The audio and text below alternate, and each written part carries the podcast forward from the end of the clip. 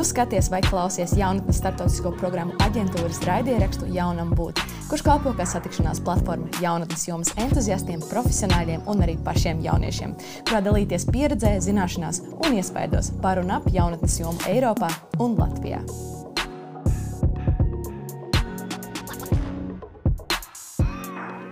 Es esmu Monika Martinso, un šodien mēs runāsim par tēmu vide, klimata izmaiņas un jauniešu lomu tajā. Un, lai arī tu, klausītājs, saprastu, kāpēc par to šodien runājam, pastāstīšu, ka JSPA 2020. gadā no visiem Latvijas projektu iesniedzēju pieteiktajiem projektiem Eiropas programmas Erasmus Plus jaunatnes darbībā ietvaros 13% projektu bija tieši par vidas aizsardzības tēmu. Savukārt programmā Eiropas Solidaritātes korpus 12%. Programmas jaunajā periodā, šī gada pirmajā projektu konkursā, bija manāms vēl lielāks zaļo projektu tēmu pieaugums. Erasmus Plus ietvaros tas sasniedz 28%, Eiropas solidaritātes korpusa ietvaros 37%, kur tematiski joprojām visvairāk projektu bija tieši par vidas aizsardzību un par klimata izmaiņām. Un šis viss neapšaubām ļauj secināt to, ka jauniešiem šī tēma ir bijusi un joprojām arī ir ļoti aktuāla. Bet kāds ir mūsu viesu viedoklis un redzējums par jauniešu vidas aizsardzību? To skaidrosim šīs dienas raidierakstā. Uz raidījumu šodien esmu aicinājusi divus viesus. Pirmais no tiem - Jānis Rozīts, Pasaules dabas fonda direktors ar vairāk nekā 20 gadu pieredzi strādājot dabas aizsardzības jomā, aktualizējot ar vidi un tās aizsardzību saistīts jautājums. Sveiks, Jāni! Labdien! Un otrais - Edgars Frešs, interneta satura veidotājs, kurš aktīvi piedalās dažādu ar vidas aizsardzību saistītu jautājumu veicināšanā publiskajā telpā, kā arī savu sekotāju lokā, kur lielākoties ir jaunieši, iedvesmojot arī citus domāt un darīt vairāk. Kā tieši to mēs uzzināsim redzējumā. Paldies, Edgars! Čau, jums abiem, kas šeit! Abiem raidījumu viesiem arī šodien labprāt pavaicāšu, kāpēc jaunietim ir būtiski domāt par eh, vidas aizsardzību. Jānis, sāksim ar tevi. Nu, pēc būtības eh, vidas aizsardzība. Nu, mēs esam agrāk lūkojušies uz to, ka tā ir tāda dabas mācība, un visi skolās esam mācījušies dabas mācību, zooloģiju, botāniku. Šobrīd vide, apkārtējā vidas kvalitāte ir vairāk jau labklājības pamatne kā tāda. Un līdz ar to, kāda būs vidas kvalitāte nākotnē, tas nebūs tikai un vienīgi par to, kādus sugus mēs sastapsim, vai būs tīrs ūdens, bet patiesībā jau tāda, vai mēs spēsim vispār pastāvēt. Mēs esam patreiz tajā situācijā, ka es gribētu teikt, nu, nākamajos 30, 50 gados tie ir lieli izaicinājumi pēc būtības jau cilvēces pastāvēšanai, un tāpēc jau tas jau īpaši aktuāli jauniešiem, kuriem šobrīd ir 15, 17, 23 gadi, lai viņi pēc būtības varētu nu, nākotnē dzīvot laimīgās ģimenēs. Un, ja mēs jautājam, kā tu kopumā vērtē jauniešu aktivitāti šobrīd ar saistībā ar šiem jautājumiem? Uh, nu, es gribētu teikt, cerīgi. Pasaules dabas fonds šogad ir veicis aptauju uh, jauniešos uh, 16, 25 gadu vecumā par to, kāda ir šī situācija vidas jomā Latvijā, ko viņi domā un vai vispār Latvijā lēmumu pieņēmējiem, sabiedrībai kopumā būtu jāiesaistās šajos globālajos jautājumos, eh, klimata pārmaiņas, dzīvās dabas saglabāšana. Un tas no, ir tas pozitīvais, ko mēs guvām, um, ka 91% jaunieši norādīja, ka šis jautājums ir ļoti aktuāls vai drīzāk aktuāls. Un tas ir pozitīvais, es gribētu teikt, eh, gaismu tuneļa galā Latvijā lēmumu pieņemšanā vismaz nākamajās desmitgadēs. Edgars, arī tu esi to jauniešu starpā, kuriem šis jautājums ir aktuāls. Kā tu, kā jaunietis, eh, nonāci līdz tam? Mm, nu, man liekas, tas uh, Latvijā tas izglītības līmenis par vidas problēmām mums ir diezgan labā līmenī. Es pats pabeidzu ekoskolu, um, Rīgas Ziepniekā un sākuma skolu, un aktīvi iesaistos arī tagad ekoskolu projektos. Un uh, tikko esot Erasmus Plus projektā tieši par uh, vidas tēmām, uh, kā tu minēji, tagad ļoti daudz projektu. Es veselos divos esmu bijis, un tur bija jaunieši no citām Eiropas valstīm, kā Grieķijas, Polijas, Itālijas, un uh, viņiem ir daudz, daudz trakāk ar šo tie tieši cilvēku izglītošanu. Tādēļ mums ir jā, diezgan paveicies, ka mums ir, ir šādas ekoskolu programmas, un kaut kā latvieši tomēr ir ar dabu vairāk, uh, tuvāk dabai mēs esam. Pastāst, kas tie bija par eh, Erasmus Plus projektiem, kuros piedalījies? Jā, tie abi bija principā par eh, atkritumu šķirošanu un dabai draudzīgu dzīvesveidu. Mēs uh, tagad pēdējā staigājām pa apkārtni Rumānijas kalnos un uh, runājām ar vietējiem, stāstījām viņiem, jautājām tieši, vai viņiem rūp vide. Arī vācām atkritumus uz ielām, jo tur cilvēki, nu, principā, met ārā visu pa logu no mašīnas. Es nezinu, cik liela problēma tā šobrīd ir Latvijā. Man liekas, ka ir noteikti mazāk nekā citur. Uzzinu šīs dažādas perspektīvas. Pieņemsim, es ar Grieķiju, Grieķiem nebiju iepriekš runājis, un es uzzināju, cik traki ir viņiem, ka ir šīs piesārņotās pludmales, visas ar atkritumiem. Tu aizēji mežā, un tur ir atkrituma kalni visapkārt daudzās vietās. Un viena draudzene tikko, kas pati bija Grieķijā, kur redzēja to savām acīm, teica, ka arī ļoti, ļoti traki. Tu pieminēji atkritumu šķirošanu kā mm. vienu no tiem jautājumiem, kas patiešām interesē jauniešus. Kādi vēl ir tie jautājumi, par kuriem jaunieši uztraucas? Hmm. Hmm. Un tu pats arī? Nu, man visvairāk ir šis klimata, sek, klimata pārmaiņu, klimata krīzes sekas, kas būtu um, straujie laikapstākļu maiņas, ja šis te, kā, kā to nosaukt, kā ekstrēmākie laikapstākļi, vai ne? Jo, pielāgošanās. Ja? Nu, jā, pielāgošanās tam, jo varbūt mēs to šobrīd neredzam, jo Latvijā mums ir viss mierīgāk, bet es atceros, pirms pāris gadiem es redzēju, uh, jau dokumentālās filmas eh, no dažādām salām, tur eh, klusajā okeānā, kur, eh, kurās ir plūdi. Pēdējos divos, trijos gados jau mēs dzirdam vairāk un vairāk stāstus no ASV, Eiropas lielajiem meža ugunsgrēkiem. Un, jā, pagaidām mēs to nejūtam, bet arī Latvijā tas viss mūs ietekmēs. Uh, jā, un es varbūt gribēju papildināt uh, par to izglītību. Mēs sākām par to izglītību. Un, uh, Edgars tā ļoti pozitīvi izteicās par savām sajūtām, par savu izglītību, ko ieguvis. Un, un, un tādā ziņā nu, ļoti labi, ka ir konkrētā skola un, un, un, ko, un konkrētā skola pievērš uzmanību šiem jautājumiem. Bet kopumā par ko mēs domājam mūsu organizācijai un ko mēs pamanām sarunās ar Latvijas iedzīvotājiem un iespējams ar jauniešiem, arī mēs aptaujā jautājumi, kas viņuprāt ir aktuālākie jautājumi. Un tur līdzīgi iezīmējās. Protams, viens no aktuālākajiem jautājumiem ir atkritumi. Mm -hmm. Un tad, protams, nāk līdzi vēl citi aspekti, kas pēc būtības tu pat grūti saprast, vai tā ir vidas izglītība, vai tā ir kaut kāda nu, ģenētiska sajūta par to, kādā vidē es gribu dzīvot. Mm -hmm. Tie atkritumi, tas ir tīrs ūdens, tas ir tīrs gaiss.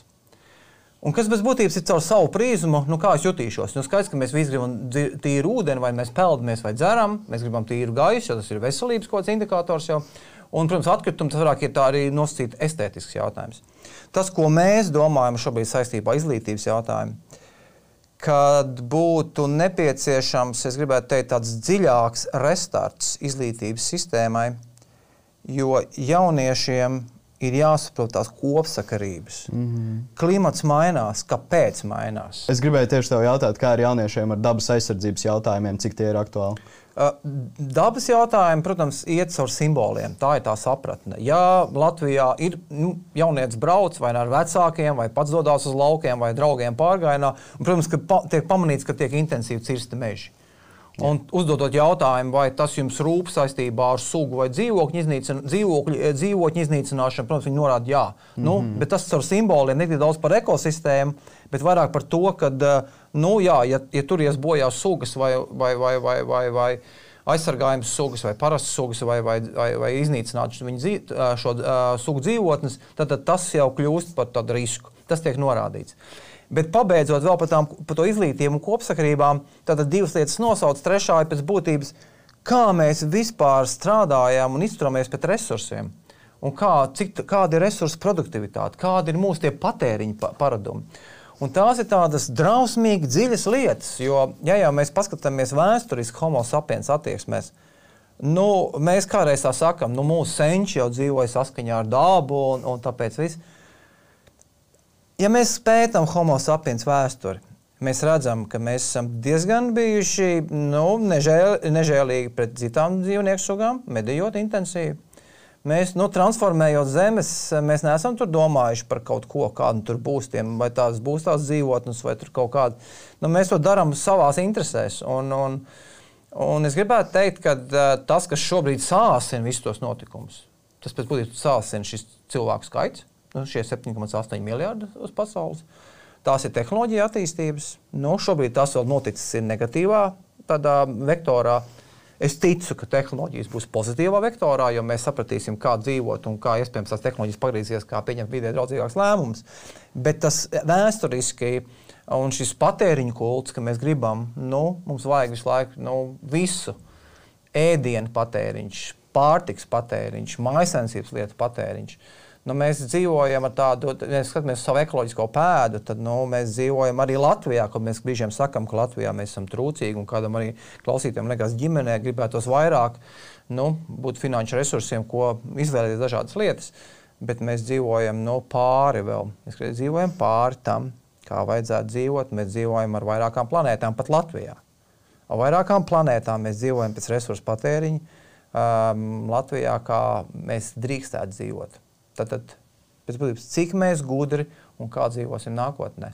Nevis tāpēc, ka nevajag pirkt mantas, bet uh, cik mēs gudri pirksim tās mantas, vai kādas būs tās kvalitātes, ko mēs izvēlamies, un kāda ir atbildība šīs produktu pakalpojumu ražot. Tātad izglītība, izglītošanās par šo tēmu ir tas, kas pietrūkst? Es gribētu teikt, Edgars aizķēra ļoti labi šo izglītību. Tāpēc es, es personīgi saku, ja mēs kaut ko gribam izmainīt, tad tā ir pirms, ja mēs gribam kaut ko izmainīt pasaulē saistībā ar klimata, šīm dziļo krīzi, dabu, piesārņojumu, tad patiesībā ir izglītība, un caur izglītību mēs gūstam kaut kādas plašākas vērtības. Tajā mirklī, kad mums ir vērtības skala pēc būtības, kāda būs finanšu plūsma, un es tā īsti, nu, tā, es, nu, nu, protams, es tur neskriešu ar mašīnu apzināti virsū alniem, vai, vai, vai es atvainojos, vai stirnēju, nu, par, atvainojos par manu triviālo piemēru. Es, protams, teikšu, nu, tā, nu, nu, nenogalināt citu sugu. Bet tas ir tādā tiešām tādā romantismā izjūtās. Tas nav patiesa sapratne par to, ko mēs dzīvojam jā, jā. un kā mēs esam attieksmēs pret dabu vai pret vidi kopumā. Es, es piekrītu, ka es, es minēju to, ka mums ir pozitīva diezgan tā izglītība, bet tāpat laikā um, tas joprojām ir ļoti maz. Cilvēki ļoti maz saprot šo tēmu. Varētu daudz, daudz vairāk. Uh, Es tā kā es smējos. Patiesībā mēs skolu beidzam, mums ir nu, reizrēķins jāzina. Nu, līdz 10 ir jāzina. Nu, tur 12, arī 14 varētu nezināt uzreiz, bet nu, tas 8 reizes 8 ir jāzina. Alfabēts ir jāzina. Nu, kādā veidā mēs, ja, ja, ja, ja, ja nezinās alfabētu, kā tad mēs varam diskutēt par romāniem, ko šis jaunietis vai indivīds izlasījis? Ir? Ja, tas tāpat arī par vidi. Nu, kā mēs varam domāt, mēs varam izdomāt jaunākās tehnoloģijas, kā mēs varam mainīt pasauli. Nu, nav problēma, mēs varam izdomāt jaunas nodokļu sistēmas. Tie visi tādi ir mūsu radīti kaut kādi izdomāti procesi un no, notikumi. Tur jau nav nekā objektīva. Tas ir pēc tam tāds, tāds, tāds no kaut kas izdomāts. Un to mēs visi varam izdomāt vēl labāk, vēl labāk. Bet jautājums, kāpēc mēs to darām? Un tad tas jautājums ir, kāda ir mūsu izglītība. Mēs sapratīsim, kāpēc mēs to darām. Nu jā, ja mēs eh, runājam tieši par izglītības jomu, tad noteikti to mainīt un ietekmēt. Eh, tas noteikti aizņems lielu laiku un eh, daudz pūles. Bet runājot par vairāk neformālo izglītību un arī ko organizācijas var darīt, um, ko Pasaules dabas fonds dara, um, lai tieši par šiem jautājumiem izglītot jauniešus. Uh, nu jā, es, pas, es tiešām, kā jau pieteicu, sākumā man ir tā iespēja bijusi strādāt 20 gadus vidas sektorā, vienā organizācijā. Nu, liekas, varbūt garlaicīgi, bet no otras puses tas tāds, tāds jau pašam socioloģisks pētījums, kā tad mainās sabiedrība līdzi. Un arī mūsu paša attieksmes. Mēs uh, pirms desmit gadiem nestrādājām tikpat kā nemaz ar skolām, uh, jo mūsu uzskats bija, ir tik daudz šobrīd problēmas, ka mums vajag strauji strādāt ar finanšu sistēmām, mums jāstrādā ar politiķu lēmumiem, mums jāmēģina kaut ko mainīt ātri. Uh, jo tā situācija ir bēdīga. Un tagad mēs esam sapratuši, ka mēs pēdējo piecu gadu laikā ar vien spēcīgāk attīstām arī mūsu organizācijā, pasaulē, šeit Latvijā. Nu, citās valstīs, katrā valstī savādāk, bet mēs attīstām ar vien dziļāku tieši izglītības atzaru eh, ceļā uz skolām. Uh, jo mēs saprotam, ka mēs varam šobrīd kaut ko vēl tur, kādu ugunsgrēku, mēs varēsim nodzēst, varbūt nu, tur kaut kāds lēmums pieņems eh, valdība vai kāds no ministriem. Nu, tur kaut kā mēs varam runāt vēl un mēģināt kaut ko izmainīt pa kādam vārdam vai pa teikumam, tajā likumā vai politikas kaut kādā dokumentā. Bet uh, tas būs tāds nu, plāksters uz milzīgi dziļas rētas. Tad Un varbūt tāpēc- ir jāmeklē cits ceļš. Un tāpēc tā izglītība ir kā paralēls process. Un es vienmēr saku, ja mēs arī šodien pārstartēsimies, un kā mēs ar Edgars tikko sapratāmies par to, ka tā virsējais līmenis jau ir foršs, un ceļš atsevišķās skolās jau tas līmenis ir vēl bišķiņ dziļāks. Bet ja mēs paņemam to dziļo variantu izglītības restartam, tad es domāju, ka mēs šodien to darītu, tad mēs spētu kaut ko mainīt ā, varbūt pēc 30, 40, 50 gadiem. Jo tie bērni, kas šobrīd mācās, viņiem jau ir tie vecāki, kas vēl ir tie, nu, vēl tie patērētāji izglītības vecāki. Un tu vari mācīties, ko tu gribi, ja tev mājās tēvs vai māte saka, ko tu te ņemies, vai ne? Kādu atkritumu šķirošanu, ko tu tur tāds vispār te vēl te diskutēt, ka tu ēdīsi divreiz nedēļā gaļu. Vai, vai tu te man sāksi teikt, ka es nepērku tagad džipa, bet mums vajag elektroautorātu, vai vispār atsakāmies no auto un izbrauksim ar velospēdiem?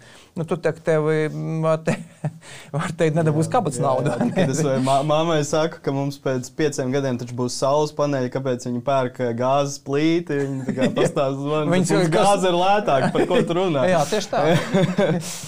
Edgars, tu ne tikai savai mātei aktualizē šos jautājumus, bet publicē arī ierakstus sociālajos tīklos, piedalījies dažādās diskusijās. Um, par ko tieši tu runā un, un, un kā tas, kāda auditorija tas sasniedz un kāda efekta tas rada? Nu, es cenšos uh, pirmkārt nerunāt par to tieši, jo es esmu pamanījis, ka lielākā daļa cilvēku manas auditorijas viņai tas nerūp tik ļoti dziļā līmenī. Tādēļ es to vienmēr sastaistu klimatu ar citām tēmām. Jo nu, mans uzskats ir tas, kas notiks, kas, kas jau notiek, ko mēs redzam, ka um, visas šīs problēmas saliksies kopā un tad pasaule mainīsies. Tad, kad um, za, visa zaļā enerģija kļūst uh, lētāka, tad cilvēki uz to pāriet. Um, citu iemeslu dēļ, ne tikai uh, jā, tas, ka tas ir atjauno, atjaunojamais resurs un ka tas ir labāks mums visiem. Um, tādēļ es par to cenšos vienmēr arī stāstīt, kā naudu ietaupīt. Un galvenais, ko es cenšos nodot, ir kāpēc. Jo izglītības sistēmā ļoti bieži ne, neparādās šis kāpēc. Tev iemācīja reizrēķinu, kā, kāpēc viņš strādā tā, kā tas strādā. Un tad jā, es cenšos veicināt šo kritisko domāšanu un tieši par patērētāju sabiedrību, kāpēc mums ir jāpērk, tik, ja, ja var to nepirkt, piemēram, un kāpēc tu pērci kaut ko kaut ko neizdevīgu lē, vai pārāk lētu, kas saplīsīs, ja tu vari nopirkt, ieguldīt uz desmit gadiem un vairāk. Un tieši runājot par šiem jautājumiem savos sociālos tīklos, tu izjūti to, ka jauniešiem tas interesē šie jautājumi, ko tu aizskari. Es domāju, ka, ka noteikti par to man vis, visvairāk kā raksta komentāros, tur, uh, vai dzīvē, kad es satieku Edgars. Paldies, ka pastāstīji par, par šo produktu.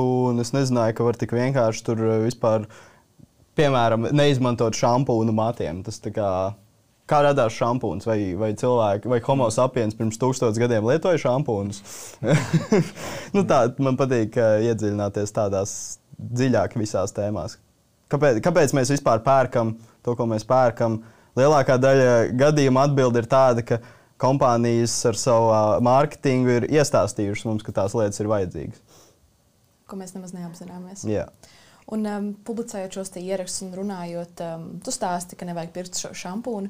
Bet, uh, vai tu Nē, jūti pērciet šampūnu, ja, ja vēlaties. Bet tu jūti Man nevajag šampūnu, ietekmi? varbūt citiem vajag. Vai tu jūti pozitīvo ietekmi, ka tiešām kāds arī pārstāja pirkt šampūnu vai jebko citu? Nu, es, es saņemu vēstuli no kāda liela, ne, nezinu, vai es gribu minēt, vārdā. Uh, Šampūna ražotāji. nē, nē, nē, ne šampūnu ražotāji, bet izplatītāji veikali. Jā, tātad. ok. Uh, un viņi man jautā, kā mēs varētu ieviest vairāk uh, tur zero waste uh, savā, savos. Uh, Nu, zero waste produktus savā veikalā. Tas nozīmē, ka cilvēki tiešām izvēlas šos produktus, un, kad, jā, jo viņi jau pielāgojās tirgumam. Kas ir tās aktuālākās eh, problēmas, eh, kuras jūs cenšaties risināt kopā ar jauniešu palīdzību? Es gribētu teikt, ka tie pasākumi, tas ir mūsu pašu programmas pasākumi, ko mēs organizējam.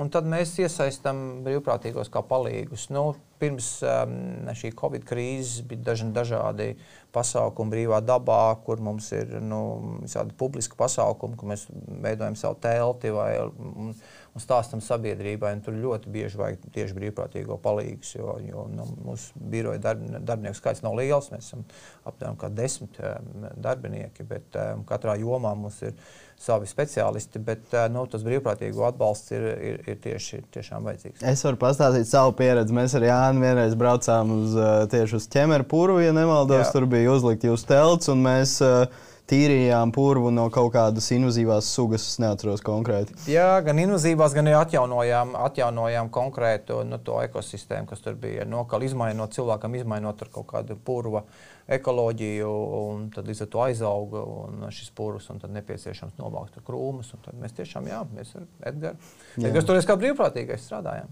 Es biju ar savu suni vēl sestdienā, bija forši pavadīja brīvdienu un uh, ļoti forši pasākums. Ieraksts sākumā mēs tomēr pieminējām, ka liels, uh, procentuāli liels skaits jauniešu interesēs par šiem jautājumiem. Tad, uh, kur ir tā nesakritība skaitļos vai, vai faktos? Ja, ja mēs sakām, ka tomēr interese ir, bet tomēr arī nav interese. Es, es pat nezinu, kā, kā, ko par to teikt un uh, kāpēc ir tik maz iesaiste. Jā.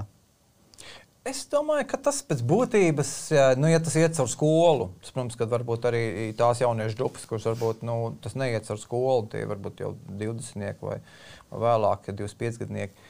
Ja tas iet caur skolu, es domāju, ka tur vajadzētu kaut kā tādu, nu, tā būtu skolotāja atbildība, ja mēs nesagaidām to, ka to vecāki iedos. Uh, ka tur vajadzētu tāda sistematizētāka pieeja. Tev bija jāsaprot, ir, nu, kur tu, nu, kā tu iesi, jo tas jaunietis varbūt kaut ko dzird. Viņš zina, ok, man tas ir svarīgi, bet viņš mazliet apjūg. Mm -hmm. Viņš apjūg, ko tad es darīšu. Un tad viens teiks, ka nu, es darīšu to, un es darīšu to, un viņam liksies, ka tas ir pietiekoši. Tas jau nav tas tāds maso plāksters. Jo tas, jo tas, kā būtu jārīkojas, nu, tur ir dažādi līmeņi. Man, kā es pats esmu salicis sev um, to, um, no to um, algoritmu, kā darīt, jo tur ir dažādas pakāpes, kā mēs varam līdzdarboties un ko mēs varam panākt. Jo, jo tajā mirklī, kad es eh, nu, nepaņemšu maisiņu tajā, tajā mm, veikalā, ok, nu, tas ir ļoti laba lieta, bet nu, es gribētu teikt, ka tas ir mūsdienās, tas ir tādā līmenī, apmēram kā tu mazgā zobus. Nu, tas, ir, nu, tas vairs nav vispār. Es saku, ka šī, šīs lietas patiesībā vajadzētu par tām pat vajadzētu savstarpēji sarunāties. Mm. Tā jau tā kā, nu, tas tā kā ABC. Nu, tas, tas ir pirmais. Bet tas, bet tas ir pirmais mēs, līmenis, no kādiem mēs iespējams, ka esam ne, savā tādā apziņā. Mums liekas, tas ir pašsaprotami. Bet, kad ejam veiklā, tur redzi, ka tur nāk laukā ļaudis ar septiņiem maisiem un katrā ir pa divām, tur, diviem maizes kukuļiem vai sviestu paciņiem. Ko darīt tagad, lai dzīvotu labāk nākotnē? Noteikti Jāpadomā. Nu, pirmais ir, ja tieši mēs par klimatu runājam, par, par dabas jautājumiem, um, jā, sākt ar sevi. Arī tas pats, uh, kā jau teicu, ko mēs pērkam, bet tas ir tikai pirmais līmenis, un tie nākamie līmeņi, ja mēs sadalām, tur būtu um, iesaisti apkārtējos, jā, varbūt vienkārši savu, savu ģimeni, vecāku ejiet kopā uz veikalu. Uh, Tad, tad vēl nākamais ir uh, iesaisties aktīvismā, tur dažādos protestos. Viena lieta, ko es aicinu vienmēr darīt, ir, uh, kā jūs minējāt, kad Pasaules dabas fonds uh, runāja tieši ar politiķiem, jo tā ir. Tā, tā var visātrāk radīt pārmaiņas. Jebkurā Latvijas galā, es nezinu, tur mazs novads, kurš iepērk jaunus autobusus, uh, Un tie cilvēki, kas ir tajās novada domās, viņi jau arī ir parasti cilvēki. Viņi tur nezina, pērk to, to, ko zina, bet varbūt var ieteikt, hei, re, kur ir izdevīgi jums, eh, ja skatāties 20, 30 gadus uz priekšu, izdevīgāk jums šobrīd būtu pirkt elektriskos autobusus. Nu, tādas lietas, vai ne? Un to uzrakstiet, nosūtiet vēstuli kaut vai eh, jā, savai. Kā, kādam politis, politiķim, savam pārstāvim, savā novadā. Un uh, tad jau nākamais līmenis arī runāt publiski, runāt aktīvi sociālos tīklos par šo. Un, jā. Ko Jānis par to domā? Perfekti. Nu, Edgars eh, izstāstīja tieši tā mana algoritma. Uh, es vienmēr saku tā, ka uh, Pirmais sāc, nu tiešām, kā Edgars saka, pirmais saliec to, kā tu dzīvo pats savu dzīvi. Jo, nu, atklāt sakot, tas būtu tāds zaļmaldināšana, ka es esmu nu, tur ārprātīgi zaļ, vidē draudzīgs un tur esmu tur, nezinu, visur aktīvs un visur rakstu, bet es pats tur esmu pilnīgi kaut kāds citādāks savos uh, lēmumos, praktiskā rīcībā, savās mājās. Nu, tas būtu tas, redzat, to. Pirmais, es, es to saucu par tādu, nu, reizē tas ir tā pašam mēģināšana, jo tu jau kaut ko mēģini, tur redz, kas iet, kas neiet, ko tur varētu savādāk. Uh, Paralēli tā ir tā tāda demo versija, jo tu, ja tu, tu tās, tu, to savu ģimeni, mājasemniecību, nu, tu vari atstāt iespēju uz kaimiņiem vai uz draugiem, radiniekiem. Tātad pirmais līmenis ir tas tiešām, un, un ja mēs paskatāmies tam ietekmēm, ja mēs skatāmies uz to saturu, tad eh, nu, tam latviešu, Latvijas iedzīvotājiem pēc būtības ir trīs lielās ietekmes. Tā ir eh, pārvietošanās, tas ir mājoklis un tā ir pārtika. Tas ir trīs lietas pēc būtības, ko es kā daru. Un, un, un, un tā tad pārvietošanās, nu, sākam ar nu, pēc būtības izmantojumu, cik nu varam, ejam pirmkārt jau kājām, velosipēdu, pārvietojamies sabiedrisko transportu. Otrs, nu, tā pārtika, nu, mēs saprotam, nu, viens no tiem, ka mēs, nu, es neaicinu pilnīgi neēst gaļu, tas var būt katram konkrēti diētas nosacījumi un nu, kaut kādu, kā, kā pats redz savu to ēdienu karti, bet kādā ziņā samazina, samazina, samazina gaļas patēriņu. Uh, cik nu var, nu, iespējams, kādam būs tā nulle, kādam tas būs nu, pusi. Um, un, un mājoklis mēs runājam par patēriņu, pērkam energoefektīvas lietas, skatāmies, mēs, nu, kas ir tās mūsu izvēles arī citos produktos, cik tie vidē draudzīgi. Tad pirmkārt, sāk, sat, tiekam galā sevi. Nākamais līmenis, ko Edgars arī jau iezīmēja, sākam sarunāties ar saviem teikt, nu, līdzcilvēkiem. Nu, runājam mājās, ģimenē, runājam ar draugiem, runājam klasēs, runājam savā studiju auditorijās. Uh, Mēs varam daž, dažādi starpdisciplināri sākt strādāt. Mēs varam, nezinu, izspēlēt kultūras pasākumus vidas jomā. Mēs varam ar vien jaunas, jaunas auditorijas paņemt, kuri vienkārši nav aizdomājušies. Varbūt viņi ir kultūras baudītāji un pēkšņi ar kultūras projektiem pamana šo vidas aktualitāti vai caur sporta pasākumu vai tam nekas, nu, kādam tuvāk. Un tas trešais līmenis ir tas, ka nu, vai nu tu esi tik intensīvs un tiešām tu ēno to politiku politiķu vai politisko partiju, kas tev ir tā simpātiskā. Vai tu tik tālu, ka tu ej pats politikā. Mm -hmm. Un tu vari nebūt pirmās rindas politiķis, bet tu vari būt kādā X partijā un kaut ko tur mēģināt radīt pieprasījumu. Jo par, par to iešanu uz tām vēlēšanām nu, var būt dažādas motivācijas. Es zinu, ka jaunieši daži neiet, tāpēc ka nu, nekas jau nemainās. Nu, man jau vienkārši riepst, nekas tur nemainās. Bet tad, tad, tad nu gan ejiet pa spīti, kas nekas līdz šim nav mainījies un tagad es iešu pa spīti. Un es nobalsošu par kādu no šīm partijām, nu, vai par jaunu, vai par kādu no esošajiem, un prasīšu viņam tam, par ko es esmu nobalsojis tajā partijā, pēc tam kaut kādu atbildības vidas jomā. Jo šīs indālās lietas un demo lietas ir labas, un tās ir tiešām vajadzīgas. Bet esam godīgi, tas neglābs globāli mm -hmm. šīs, šīs problēmas beigās mēs nonākam pie politiskiem lēmumiem. Un tas būs tas, kādi būs tie likumi, kāda būs tie nodokļu sistēmas, kādas būs kompensācijas, atbalsta sistēmas un tas, kā tā valsts visa dzīvos. Un beigās arī šie paši politiķi itin bieži pieņem lēmumu vai līdzdarbojas starptautiskos procesos, kuri vēl iegriežās vēl cits mērogs šim jautājumam. Jūs abi minējāt, ka tieši uzsākt sarunu ar kādu tuvinieku vai draugu ir tas, kas uh, var nest lielu ietekmi šajā visā procesā par ilgspējīgu domāšanu un dzīves uzlabošanu.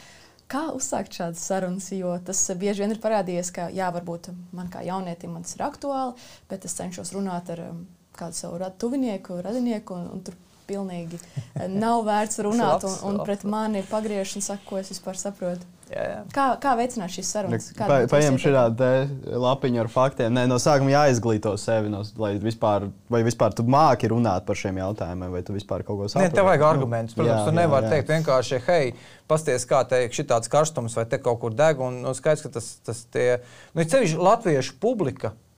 Bet mans novērojums, ka Latvijas publika pa klimata pārmaiņām ir nu, kaut arī citi pētījumi norāda, ka Latvijā. Mm, bija kaut kāda, nu, pat ir 4 vai 5 gadu atpakaļ pētījums, viens bijis Latvijā nacionāls. Par to, ko domā Latvija, pa, Latvijas iedzīvotājs par klimatu pārmaiņām. Tur bija jā, divas trešdaļas vairāk, bija jā, klimata pārmaiņas notiek. Nu, mēs to jau sākam just. Bet, ja, ja es dažādās auditorijās runāju jā, par šiem jautājumiem, tad es jūtu, ka nu, diezgan liela skepse ir. Jo tas liekas, ka tas ir kaut kas, ja tas arī notiek, tad jautājums, cik mēs esam vispār līdzatbildīgi. Un tas nav izprasts jautājums. Par to var, par to var atsevišķi parunāt. Bet, um, bet protams, ka, kas, kas atkal pozitīvais, ka cilvēki gan saprot to, ka nav iz, izcili ar, ar, ar ūdeņu saimniecību, ar lauksaimniecību Latvijā, ar, ar meža apsaimniekošanu. Tas gan viņiem rūp, un tur kaut kas ir tāds, ka viņiem tā saikne to dabu Nu, tur kaut kas tāds interesants. Protams, viņi nevar izmainīt, tāpēc ka kaut, kaut kāda lobbyisti to izmaina kā sev pa spalvai. Bet tas klimats tā ir tāda liela, un iespējams, ka tā arī pat ir nesaprasta situācija un process, jo tur ir daudz mīti. Vulkāni, um, nu, pati daba mainās, kaut kas tāds, un to arī tādas sazvērestības teorijas dažādas arī uztur šo, šo sarunu par to, ka nē, nē, klimats jau, nu, ko tad, tad cilvēks spēj izmainīt klimatu, un tas tā nenotiek. Viss, tas nekas, kas zinātnes pētījumi ir. Uh, viens no tādiem, nu, nezinu, tur ir, uh, nu, gribētu teikt, tūkstošiem recenzētu pētījumu, kas norāda par to, un zina, klimatologi, kas pēta, nu, tur tuvu simt procentiem nu, nešaubās. Klimata pārmaiņas notiek, un cilvēks tajā iesaistīts. Ka tur nav īsti diskusija par to, ka šis notiek, un tā cilvēka ietekme šobrīd nu, katrā ziņā nav vidē draudzīga. To ļoti grūti ir pateikt tajā brīdī. Diskusijā, Jā, bet tā un... diskusijā ir tā, ka es parasti personīgi Nu, es skatos, es tiešām, nu, tas nav viena vakara jautājums, ko tu pēkšņi pie, pieliec kādam cilvēkam klāt, un tagad tu noskati, un tagad sāc. Ja viņam nav interesi, protams, ir Es jūtu pats, kad es nonāku kaut kādos pasākumos, un cilvēks zina, nu, nu, tur dabas vidas cilvēks uzreiz jau ir šobrīd ļoti izglītot publiku. Viņi nāk man uzreiz ar tādiem stāstiem, ko viņi izlasījuši par Antarktīdu, vai, vai viņi nāk ar stāstu, kas tad noticis tur un tur un tur un tur, un kādas jaunās tehnoloģijas pēc pat brīžiem nespēja tā. Man jāpiedomā, kas noticis, jo ļoti daudz, protams, mēdījos ļoti daudz ziņas par to. Ir. Uh, bet nu, ar tādiem cilvēkiem ir viegli sarunāties. Bet ar skeptiķiem nu, es personīgi nekad nesāku šo sarunu vienā vakarā. Tur ir evolūcijas procesam jā, jābūt. Ir. Tur jābūt vairākiem vakariem, vairāk laika. Tur ļoti pakāpeniski sāc par to runāt. Un, un pats demonstrē savu praksi. Varbūt tādā veidā tas ir viens no veidiem, kā mainīt. Jā. Varbūt cilvēks negrib uh, mainīt, tur beigt ēst gaļu, ok, tur vegānisms, vegetārisms ir dārgāks pagaidām pēc desmit gadiem visticamāk tas būs daudz, daudz lētāk arī. Um, bet uh, šis te cilvēkiem vienmēr patīk ietaupīt naudu.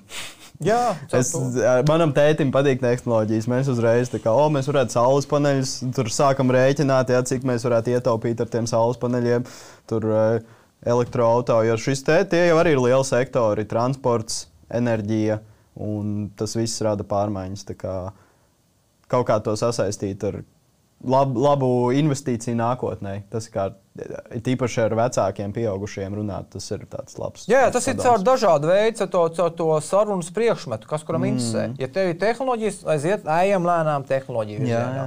Citam būs atkal kaut kas tāds, ka viņš kaut ko mēģināt jaunu, piemēram. Nu, caur, caur to var iet. Nu, arī, nu, šobrīd ļoti daudz cilvēku vairāk domā par gatavošanu mājās.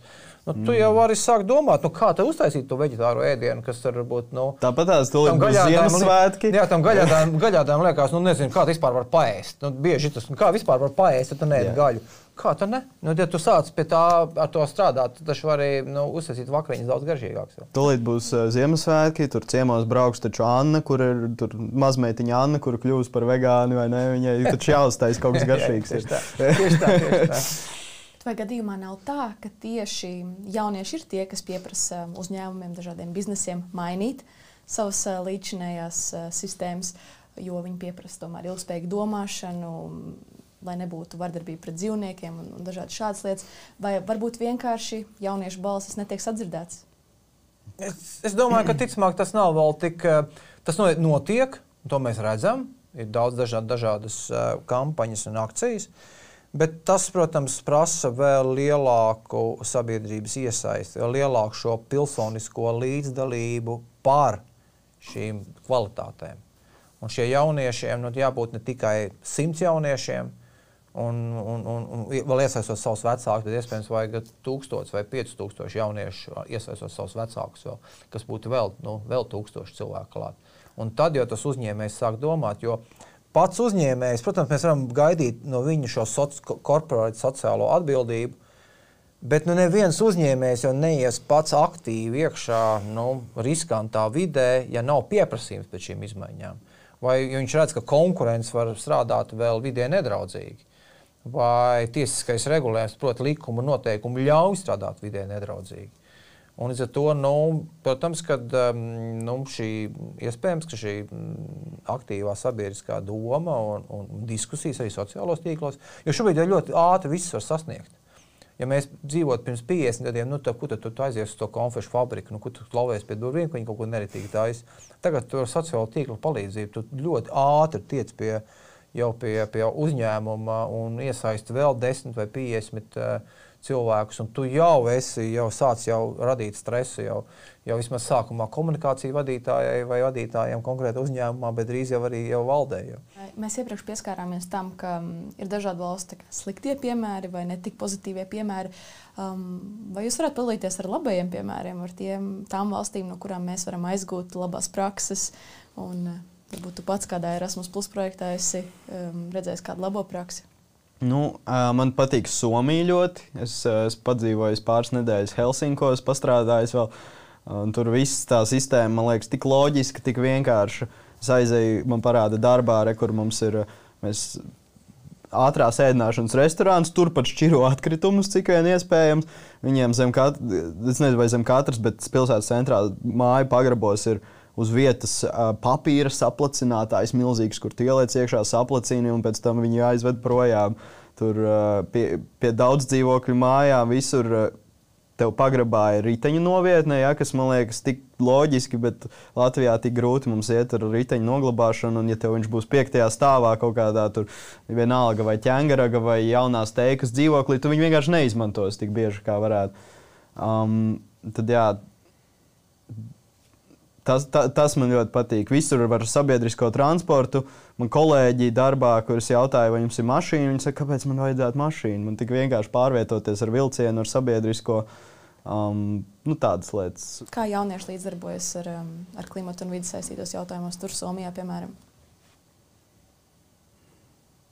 Nu, tieši tā jau arī viņi līdzdarbojas, ka viņi izmanto, ka ir, ka ir šī sistēma izveidota, ka viņiem vienkāršāk ir uh, dzīvot, eh, braukt ar sabiedrisko nekā ar auto. Kaut vai, vai piemēram, Nīderlandē man patīk vispār, eh, ja nemaldos, visiem skolēniem eh, ir bezmaksas sabiedriskais transports pa visu valsti. Tātad viņi jau iemācās no bērnības, ka rekur, tev ir ērti, var visur nokļūt. Nu, mums tā infrastruktūra vēl ir jāuzlabo, bet tas, ko es redzu, vien, viena lieta, ko es ļoti svarīgi, ko es gribu pateikt. Naftas industrija nomirs vai ne? Vienkārši nebūs. Tas, tas ir fakts. Jūs varat šo pēc desmit gadiem eh, pa, paņemt šo klipu. Ja? Um, un, eh, jo pasties uz mūsu paudzi, šī visi jaunieši, kas braukā ar elektroskūteriem, ja, viņš ir tik lēts, tu vienkārši paņem, noskanē, tu brauc un ir ritīgi jautri. Tev, tu piespied to kloķīti, un tev uzrāviens ir uzreiz. Uh, Un, ja tagad, pirms desmit gadus atpakaļ, jaunieši vēl tagad, ja, kas tur dabū mašīnu laukos pirmo reizi, un tur oh, pasties, kā var uzgāzēt kāds skaļums. Tagad es skatos, man uh, viens draugs savam bērnam nopircis uh, elektrisko šo mazo kvadrcikliņu. Un viņš ir tik ļoti foršāks, jo tev ir kā, uzreiz tas uzrāviens. Un tad šī jaunā paudze piedzims ar šīm te, ar, ar baterijām, ar elektromotoriem. Loģiski, Tur pat nav jautājumu, man liekas, vai tu pirksi auto, vai tu pirksi elektroautorātu. Tas ir loģiski, ka viņi pirks elektroautorātu. Nu, kā, jā, es skatos diezgan pozitīvi jau, ka mēs uh, neapzināti pat esam ieaudzināti dzīvot dabai draudzīgāk. Kādu jūs redzat nākotni un um, pēc kāda moto būtu jādzīvo, lai um, gan jauniešu loma būtu ar šiem jautājumiem saistītā, saistītajā un lai vispār uzlabotos situācija Latvijā? Jā, ne? Nu, sarunas laikā jau mēs pieminējām vairāk kārtīgi to izglītību un vērtības. Un tas, man liekas, tas, ir, tas, manuprāt, ir lielākais izaicinājums. Eh, jo eh, tas, kā mums būs nākotnē jāpieņem lēmumus, vienalga eh, vai klausītājs, sītājs būs banķieris vai lauksaimnieks vai frizētājs īpašnieks vai, vai zinātnieks. Tie būs milzīgi lieli, lielas izmaiņas, par ko pēc būtības cilvēks, cilvēks nebūs pieredzējis. Nebūs īsti nekādu, nu, es gribētu teikt, nu, tādu pieredzes pārņemšana no, no iepriekšējām paudzēm, tieši ko mēs šobrīd esam darījuši. Mēs esam dzīvojuši ļoti lēni. Mēs esam ļoti daudz varam pa pajautāt, kā rīkoties mammai, tētim, vecāmātei, vecam tēvam, vai, vai vēl kaut ko izlasīt vecvectēva, vecvecmātes atziņas. Tas nākotnē stipri mainīsies. Un es pat kādreiz saku, ka uh, iespējams, ka turpat evolūcijā tas būs kaut kāds nākamais lēciens, homo sapiens, uh, uh, cita, cita gribētu teikt, suga. Um, nu, tas tāds futūriski, mēs skatāmies, kāda ir nākotne. Bet tie, tie, tās pazīmes, kā būs jādzīvo, mēs jau varbūt šodien jau pat pieminējām par to, ka tā būs, ka, jās, ka, ka mēs nonāksim pie tā, ka maksās preces un pakalpojumi patiesās cenās. Išpīt, mēs nemaksājam patiesās cenas. Mēs, mēs esam, dzīvojam ar ļoti šķērs subsidētiem produktiem un pakalpojumiem. Uh, mēs nonāksim pie tā, ko Edgars jau aprakstīja jā, um, savā redzējumā no produkta uz lietošanu.